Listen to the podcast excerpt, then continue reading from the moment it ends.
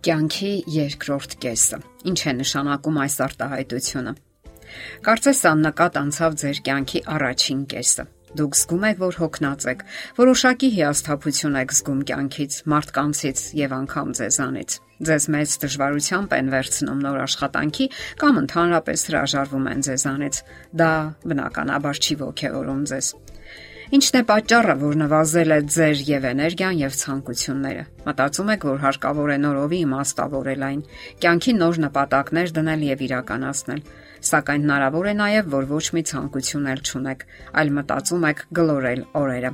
Իսկ երբ մտածում եք, որ ահա ուրվոր է, թոշակ եք ստանալու, հողը փախչում է ձեր ոտքերի տակից։ Թոշակառուին դուք պատկերացնում եք ձեռնափայտը ձեռքին մի ծերունու, ով հազիվհազ քայլում է մայթով եւ ում հասարակական տրանսպորտում կարեկցանքով զիջում են իրենց տեղը, եւ որի միակ հաղթանակը նարդու հաղթանակներն են իր նման թոշակառուների շրջանում։ Սակայն պետք չէ հուսահատվել կամ էլ հիասթափվել։ Կյանքի երկրորդ կեսը բոլորովին էլ անհույս տարիները չեն։ Թեկուզ եւ դուք հատել եք ձեր կյանքի հասարակածը, դեռևս կարող եք իմաստ հաղորդել նրան։ Այդ ժամանակաշրջանը միանգամայն կարելի է երջանիկ ու հագեցած տարիների նավարկության մի ընթացք դարձնել, որի նավավարը դուք եք։ Էգզիստենցիալ մարդասիրական հոգեբույժ Ալեքսեյ Ստեփանովը գրում է. Երբ գրում են տարեց հասակի մասին, նկատելի է միտում ընկնել ծայրահեղությունների մեջ։ Այդ ժամանակաշրջանը դիտարկվում է որպես լիարժեք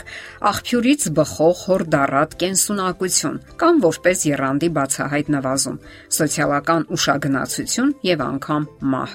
Սակայն ճշմարտությունն այն է, որ բոլոր մարդիկ չէ որ տարեց հասակում կարող են երանդուն լինել։ Դրա համար գոյություն ունեն օբյեկտիվ պատճառներ, օրինակ, առողջության հետ կապված հիմնախնդիրներ Սակայն դրա հետ մեկտեղ հսկայական քանակի տարեց մարդիկ սոցիալական երանդուն կյանք են վարում։ Եվ պարտադիր չէ, որ դա կապված լինի պաշտոնապես օրինականորեն ձևակերպված աշխատանքի արկայության հետ երիտասարդությունից հասունություն անցումը խիստ անհատական է։ Փորձագետը շարունակում է իր միտքը. յուրաքանչյուր մարդ յուրովի է զգում դա։ Օրինակ զինվորականը,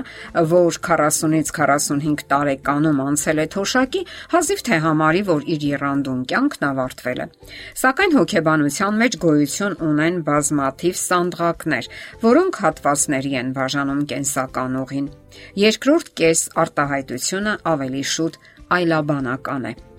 Եթե կողմնորոշվենք առողջապահության համաշխարհային կազմակերպության սահմանած վերջին ստորաբաժանումներով, ապա այդ ժամանակաշրջանները այսպիսին են. 25-ից 44 տարեկան համարվում է երիտասարդություն, 45-ից 60 տարեկան հասունություն, 60-ից 75 տարեկան տարեց անznավորություն, 75-ից 90 տարեկան ծերություն, 90-ից բարձր երկարակեցություն։ Հոգեբույժ Եկատերինա Գրյուկովան գրում է. Սահմանագիծը, որ երկու պայմանական կեսերի է բաժանում կյանքը, համընկնում է հասունության ժամանակաշրջանին, սակայն այստեղ վերապահում կա։ Մարդիկ մեծ անհատականություններ են եւ միասնական թիվ չկա։ Նախկինում դա ընդունված էր համարել 40-ից բարձր տարիքը, որը մասնակիորեն արտացոլվում էր կանացի օրգանիզմում տեղի ունեցող որոշակի փոփոխություններով